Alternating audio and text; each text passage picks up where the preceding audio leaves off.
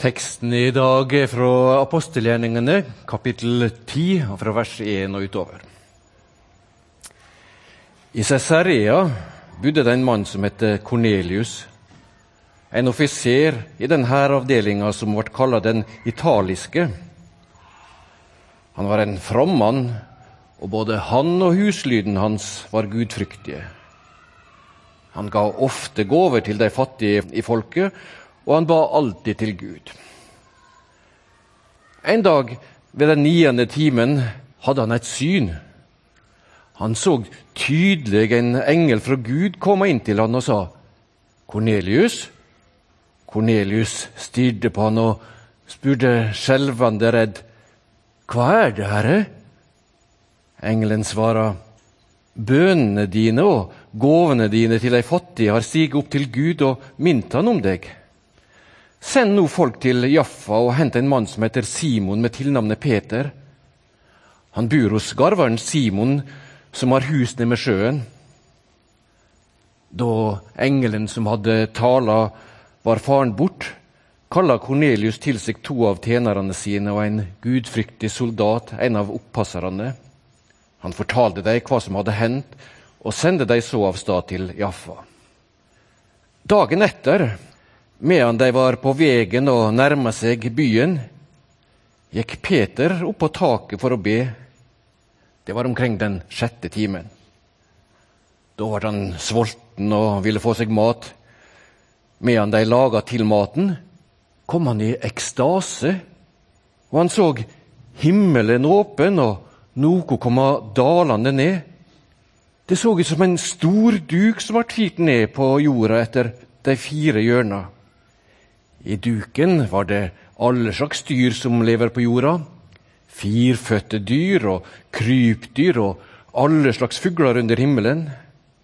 Og det kom ei røyst som sa, Stå opp, Peter, slakta og et. Det kan jeg ikke, herre, svarer Peter, aldri har jeg ete noe vannheilagt eller ureint. Da taler røysta til han andre gongen. Det som Gud har sagt er rent, skal ikke du rekne som ureint. Dette hendte tre ganger, og så ble duken teken opp att til himmelen. Som nå Peter var i villrei om hva det kunne tyde, de syn han hadde hatt, kom mennene fra Kornelius. De hadde spurt seg fram til huset hans Simon, og nå sto de utenfor porten. De ropa inn og spurte om Simon med tilnavnet Peter bodde der. Og medan Peter enda grunda på synet, sa han til han, Her er tre menn som spør etter deg. Skunda deg å gå ned. Du skal følge dem uten å nøle, for det er jeg som har sendt deg. Da gikk Peter ned til mennene og sa, Det er meg de spør etter. Hvorfor er de kommet hit? Da svarer de, Offiseren Kornelius, en rettferdig og gudfryktig mann som hele jødefolket har bare godt å si om, han har fått en budskap fra en heilag engel som sa at han skulle hente deg hjem til seg og høre hva du har å si. Så ba Peter deg inn og lot deg bo der om natta. Dagen etter tok han av sted sammen med deg, og noen av brødrene fra Jaffa var med han. Slik lyder Herrens ord.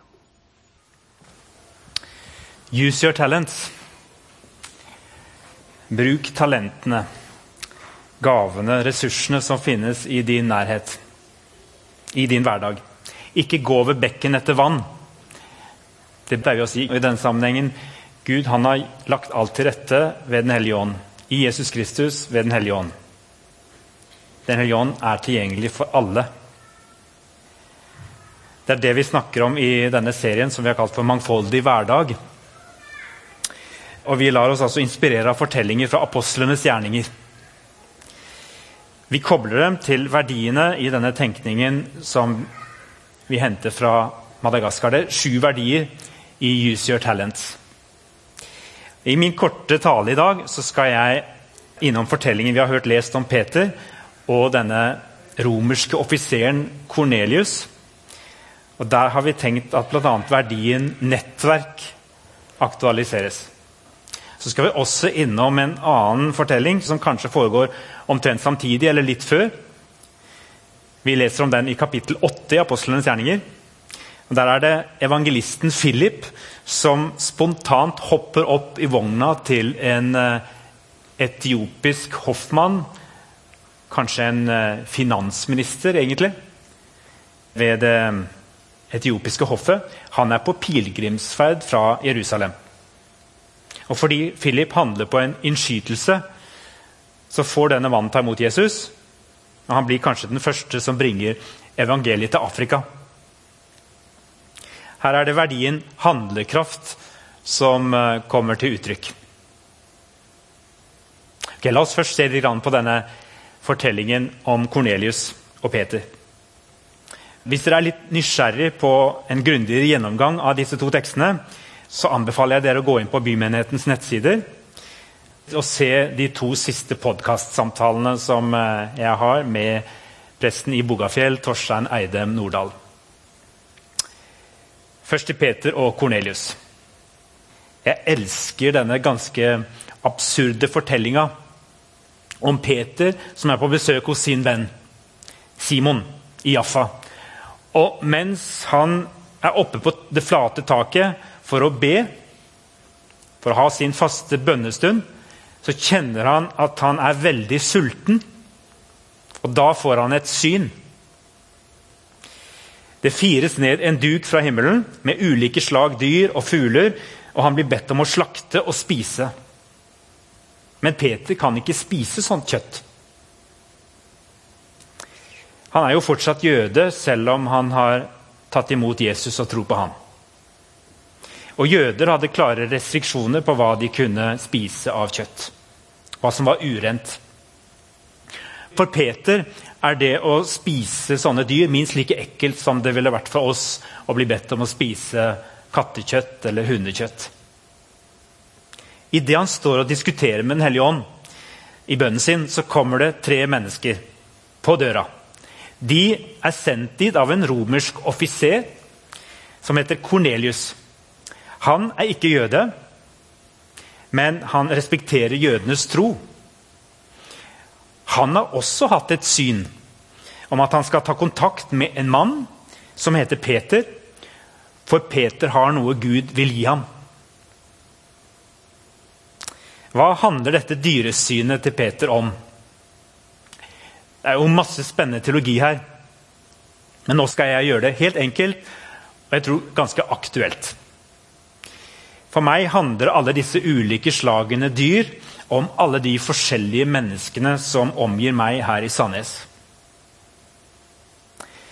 Det handler om mennesker med en helt annen bakgrunn, helt andre oppfatninger, helt andre måter å feire advent og jul på enn meg, hvis de i det hele tatt feirer advent og jul. Det handler om alle de som er fremmede for min måte å snakke på, mine tradisjoner, min livsstil. Det handler om at vi bevisst eller ubevisst setter opp barrierer for Den hellige ånd. Fordi vi definerer hvem i vår nærhet som passer sammen med oss. Vi sier kanskje ikke at de ikke kan begynne å tro på Jesus eller være kristne. Vi er jo litt frommere enn som så. Men vi sier at de nok ikke passer sammen med oss. Og slik begrenser vi nettverket. Storfamilien blir liten. Og når det skjer, så hender det at Den hellige ånd blir nødt til å gjøre ganske radikale grep for å sprenge seg vei og gjøre kanskje rare og uventede ting for å få oss til å våkne. Peter han våkner opp. Eh, først lukker han inn i sitt nettverk disse tre mennene som har kommet på døra til vennen Simon for å snakke med ham. De får spise, de får overnatte der i det huset. Og dagen etter inviterer Peter seg inn i Kornelius sitt nettverk. Nå forstår jeg virkelig at Gud ikke gjør forskjell på folk, sier Peter etter en stund der han har oppdaget for sine øyne at Den hellige ånd kommer midt iblant dem, og at Kornelius og hans storfamilie tar imot Jesus. Nå skjønner jeg at Gud virkelig ikke gjør forskjell på folk. De måtte ikke bli helt som Peter for å kunne kalle seg kristne. Det er noe av poenget i denne fortellingen. De måtte ikke bli akkurat som Peter i ett og alt for å kunne kalle seg kristne. Det fins et nett av mennesker rundt oss. Mennesker som vi på en eller annen måte relaterer oss til. Ikke vær for rask med å bestemme på andres vegne, og aller minst på Guds vegne, hvem som er innafor, og hvem som er utafor. Jesus døde for alle slags mennesker. Han sto opp for alle slags mennesker. De fleste av dem har ikke sagt nei til Gud. De vet bare ikke helt hvordan han ser ut, fordi ingen har vist dem det. Og Det fantastiske er at det ikke bare er vi som har noe å gi til andre mennesker i vårt nettverk, som ofte er større enn vi kanskje er klar over. De har også ressurser å dele med oss, uansett bakgrunn. På huskirka som vi hadde på menighetshuset her for to uker siden, fordi vi ikke kan samles i hjemmene lenger, så har vi en, en gruppe der som vi kaller huskirke. Der uh, utbrøt Princess, som uh, har bakgrunn fra Kamerun, han har vært med oss sammen med sin familie nå i høst i menigheten. Hun utbrøt Nå forstår jeg plutselig at denne fortellingen handler om meg og min bakgrunn. Jeg og min familie var opprinnelig muslimer. Jeg ble kristen som student. Ofte har jeg tenkt at jeg måtte glemme alt fra min muslimske bakgrunn. Men i denne teksten blir jeg minnet om at jeg også har mye bra med meg fra min oppvekst. F.eks. var det helt naturlig for oss å be til Gud flere ganger om dagen på faste tider. Som kristen hender det at jeg helt glemmer å be. Vi er frie til å be når vi vil, men kanskje vi trenger å la oss inspirere av den fromheten mange muslimer har, sa Princess. Hun er ikke her i dag, men eh, ta en prat med henne neste gang dere møter henne. Den familien har en spennende bakgrunn. Offiseren Kornelius fikk høre en engel si dine bønner og gaver til de fattige har steget opp til Gud, så han er blitt minnet om deg. Gud begynte ikke med å peke på alle hans mangler, men på hans ressurser. Det er som om Gud sier, 'Nå vil jeg knytte deg til et større nettverk'. Jeg vil at du skal komme inn i min sønn Jesus sitt nettverk, for der har de bruk for deg, og du har bruk for dem. Den hellige ånd holder på med grensesprengende ting her i apostlenes gjerninger. Noen ganger så lurer jeg på om, om vi skjønner hvor revolusjonært det er å tro på Jesus. Tenk hvor store omveltninger som kunne skje i våre lokalsamfunn hvis vi virkelig turde å slippe Den hellige ånd løs. To kapitler tidligere så er det den nyfrelste, engasjerte Philip som eh, er på ferde. Han er på fottur mellom Jerusalem og Gaza. Da får han plutselig en innskytelse fra Den hellige ånd om å nærme seg en vogn med hester. Og Der sitter det en afrikansk hoffmann, en mektig finansmann ved den etiopiske dronningens hoff. Han leser fra profeten Jesaja, for han er antagelig en afrikansk jøde. Men han forstår ikke hva han leser om. Akkurat der og da viser Philip handlekraft. og Det er den verdien som vi henter fra den teksten. Handlekraft er også viktig. Nettverk, handlekraft er to av de sju verdiene i Use Your Talents-tenkningen. For Han skjønner at det her finnes en mulighet til å fortelle andre om Jesus. Så der de fleste av oss kanskje ville ha ventet eller sagt kanskje ikke nå, eller vi må se det litt an, så bare går han rett på. Ikke bare fordi at han eh, har lyst, eller fordi han eh, på en måte er spontan av person, men det er fordi Den hellige ånd har gitt han en innskytelse, og han definerer det som nå er det det Jesus vil at jeg skal gjøre. Noen ganger så gir Den hellige ånd sånne rare hint. Jeg tror egentlig de fleste av dere har fått sånne hint. Men kanskje dere ikke har våget å tro at det er fra Den hellige ånd. Et merkelig sammentreff, kanskje. Hvorfor begynte jeg akkurat nå å tenke på det mennesket? Skal jeg sende en SMS eller ta en telefon? Nei, jeg tror jeg lar det være. Skal jeg være med på å kjøre matkasser hjem til folk som trenger det nå før jul? Ja, kanskje det. Ja, kan jo være litt dumt å være med på sånt akkurat nå. Jeg tror jeg lar det være.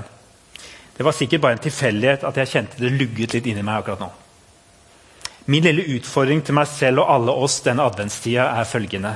Ikke vær for rask med å skyve fra deg de små hintene om å gjøre små handlinger som kan ha betydning i andre menneskers liv.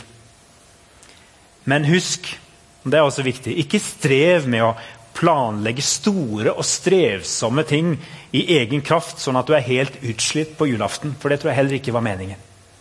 Forsøk å lytte til Den hellige ånd. For når han gir deg små innskytelser, da får du lov til å være i flyt. Da handler det ikke nødvendigvis om å bruke så veldig mye av kreftene dine, men om å bruke dem på rett måte. Og det er vår oppgave. Det er vår oppgave å handle på ordet og innskytelsen. Det skjer ikke alltid helt av seg selv. Ta med en liten videohilsen til slutt fra Torstein Prest i Bogafjell fra denne podcasten, siste podkasten som vi har lagt ut. Som handler om Philip og handlekraften.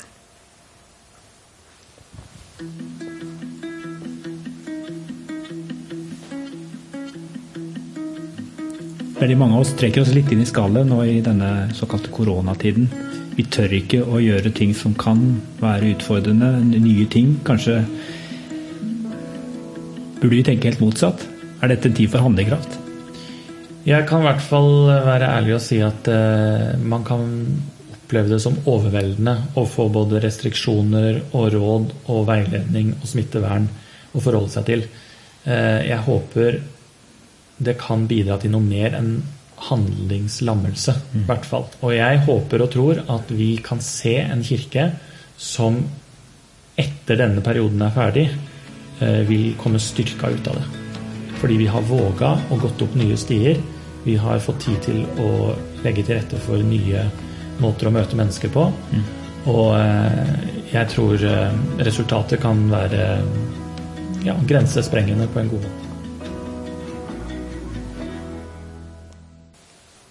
La oss be. Kjære gode himmelske Far. Du ser hver enkelt av oss. Du ser eh, hva vi tenker om oss sjøl og livet vårt og tilværelsen akkurat nå. Du ser at det er lett å bli handlingslamma. Hjelp oss til å se mulighetene. Takk for at eh, du, eh, du, ser at vi trenger deg, at du ser at vi trenger tilgivelse. Men du går ikke på leting etter våre mangler, men du ser etter uh, våre ressurser. Og det ser du også i andre mennesker. Hjelp oss til å møte både oss selv og de rundt oss med ditt blikk. I Jesu navn. Amen.